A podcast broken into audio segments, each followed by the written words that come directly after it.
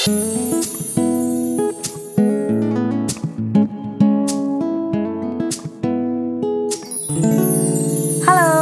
berjumpa lagi di podcast Edisi Sati bersama gue Isel Yang sering kali sendirian tapi gak pernah kesepian. Edan. Bohong deng, kesepian itu wajar kok. Tidak tabu dan bukan dosa. Tapi mudah-mudahan kamu tidak lagi merasakan itu ya Karena rasanya gak enak Anyway, hari ini gue mau bahas tentang satu hal yang sudah lama banget gue pertanyakan sudah banyak eksperimen yang gue lakukan juga mengenai hal ini dan akhirnya ketemu kira-kira jawaban yang paling mendekati dan bikin lega. Gue mau bagikan sama teman-teman semua tentang mengapa sulit sekali mencapai relationship goal padahal sudah melakukan hampir semua hal yang para dating coach katakan. Why can't we be like them? Why those tips don't really work for us? Kenapa tipsnya kesannya gampang banget tapi kita tidak bisa melakukannya? Atau susah sukses seperti yang tips saya janjikan? Gue yakin banget gak sedikit dari kalian yang bertanya kayak gitu. Karena gue juga dulu penasaran banget. Personally, my favorite dating coach is Matthew Hussey. Tapi ada banyak lagi yang paparan konsepnya gue ikutin, gue baca, dan gue dengerin. Gue emang agak freak kalau soal ini. Suka banget ngulik-ngulik ginian tentang cinta. Dan menghabiskan lebih dari 10 tahun terakhir gue bereksperimen dan menambah pengalaman urusan hubungan. Dan setelah selama itu, akhirnya gue menemukan jawabannya. Setelah beberapa diskusi, beberapa buku, dan beberapa video yang gue tonton, ada satu konsep dan logika yang gue suka banget dan menurut gue pas. Kenapa cerita-cerita romantis sukses orang yang kemudian dirumuskan ke dalam tips tidak semudah itu bekerja untuk kita? Jawabannya adalah karena tips-tips yang diberikan bersifat natural untuk mereka dan untuk kita sifatnya strategis Natural artinya terjadi begitu saja sesuai dengan karakter kita masing-masing. Atau dalam kata lain, menjadi diri sendiri. Strategis artinya penuh dengan taktik, akal, atau cara menuju tujuan yang belum tentu sesuai dengan kondisi, karakter, atau gaya kita. Setiap orang itu berbeda, kawan. Kita berbeda loh. Gue beda sama lo, lo beda sama teman-teman lo, lo beda sama pasangan lo. Semua berbeda. Ada tiga hal yang membuat kesuksesan setiap orang bisa berbeda walaupun tipsnya sama. Waktu itu bapak gue yang kasih tahu. Kebetulan dia seorang psikolog klinis. Yang pertama adalah momentum alias waktu dan kesempatan. Momentum yang lo rasakan, yang lo dapatkan juga bisa berbeda sama yang gue dapatkan. Yang kedua, environment atau lingkungan yang berbeda. Orang yang dihadapi berbeda, situasinya berbeda, budaya, agamanya juga berbeda. Yang ketiga, gaya setiap orang berbeda. Gaya gue sama lo beda. Gaya orang barat sama orang timur melakukan sesuatu berbeda. Gaya lo dan pasangan lo berbeda. Gaya gue dan pasangan lo berbeda. Jadi ada tiga ya, momentum, environment, dan gaya setiap orang berbeda. Tapi kali ini gue mau bahas yang nomor tiga. Poin yang masih bisa kita kontrol. Kalau yang pertama sama kedua itu cenderung ada pengaruh eksternal. Jadi gue mau bahas yang nomor tiga aja karena eksternal tidak bisa kita kendalikan. Gaya kita atau karakter kita masih bisa kita kendalikan, masih bisa kita kontrol.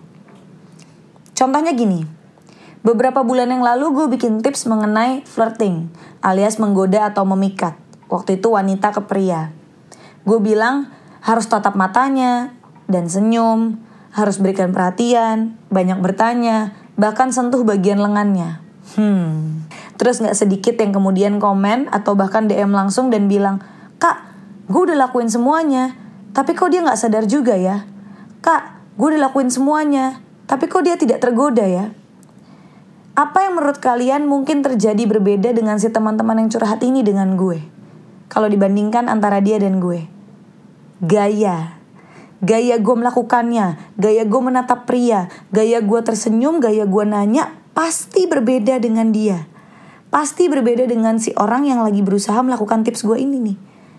Pernah tidak lo ngeliat temen lo melakukan sesuatu yang cukup aneh, kemudian lo komentar, ih tumben lo. Biasanya nggak gitu, atau ih itu nggak lo banget. Kenapa? Tipsnya nggak salah, bukan tipsnya.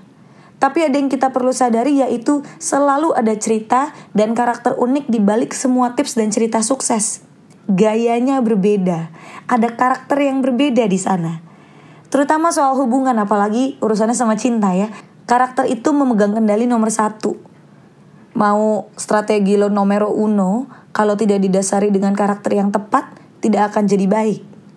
Simpelnya gini, gue saranin lo untuk senyum karena itu adalah pancaran karakter baik hati. Lah, kalau karakter lo lagi negatif, atau karakter lo memang negatif, dan lo lagi gak bahagia, mau lo senyum juga jatuhnya ngeri cuy. Pura-pura gitu jatuhnya. Atau kalau gue saranin lo untuk move on, jangan ditunggu yang gak pasti-pasti kalau pada dasarnya lo gak mencintai diri lo sendiri, ya tips-tips itu hanya akan jadi kata-kata mutiara belaka.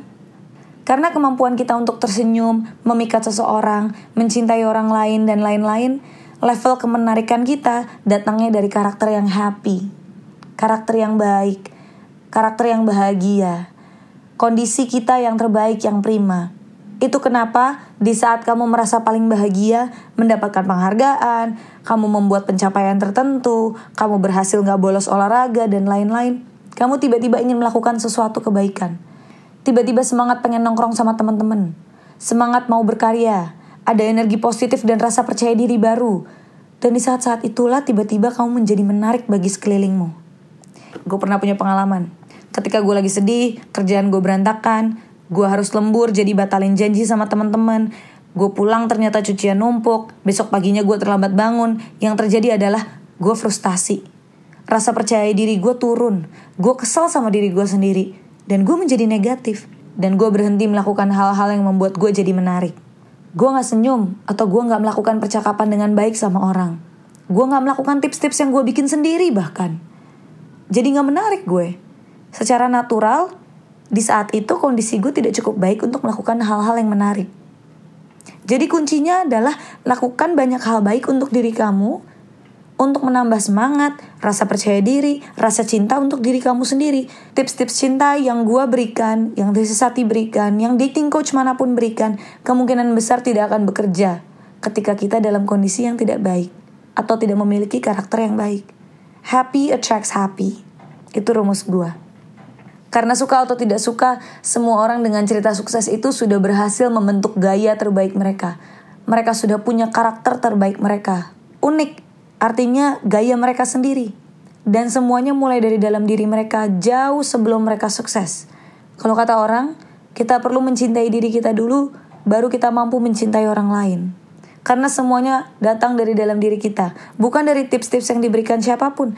Karena tips-tips itu bukan sihir, Tips-tips itu bukan jampe-jampe. Oke, okay? tips-tips itu bukan genie wishes. Jadi mereka tidak bekerja begitu saja. So you create your own story. With these tips you learn, you're reminded, you know something you didn't know before. Dengan tips-tips ini kita jadi belajar, kita kembali diingatkan, kita jadi tahu apa yang sebelumnya mungkin kita belum tahu. Then, we make it natural. Misalnya, abis baca tips, oh, gue disuruh senyum, ya nggak tiba-tiba keluar rumah terus senyum-senyum ya kan digodoknya dari dalam gimana caranya gue happy gimana caranya gue harus lebih positif gimana caranya gue bisa menyembuhkan luka gue hari ini supaya gue bisa cepet senyum lagi. Karena keluarnya harus natural. It's okay that you're sad oke okay? dan ketika lo sedih memang lo tidak bisa tersenyum. Tapi bagaimana cara kita menyembuhkan luka itu supaya kita bisa senyum lagi? Kembali menjadi positif. Gue sekarang bisa ngomong gini karena bertahun-tahun gagal soal urusan cinta. Gue juga gak lahir langsung berhasil. Gue bahkan pernah lagi sedih banget karena putus, terus keluar rumah senyum-senyum berharap ada yang naksir, ternyata gak ada juga. Udah gitu malah makin sedih. Tapi apa yang gue lakuin habis itu? Kumpulin teman-teman, ketawa-ketawa lagi. Besoknya gue keluar rumah lebih bahagia. Tanpa sadar ada orang yang senyum balik ke gue. Padahal gue gak sadar juga kalau gue senyum gitu. Jadi semua tips yang gue berikan lewat Desesati adalah tools alias alatnya. Dan lo adalah penggeraknya. Make sure you can use them right. Oke, okay? pastikan kalau lo bisa menggunakan tools atau alat-alat ini dengan baik. You work it from the inside. Oke? Okay? Jangan paksa sukses besok karena kamu hanya akan kecewa. Perlahan tapi pasti yang penting kamu harus bahagia. Sampai ketemu di episode podcast Sati selanjutnya. Dah.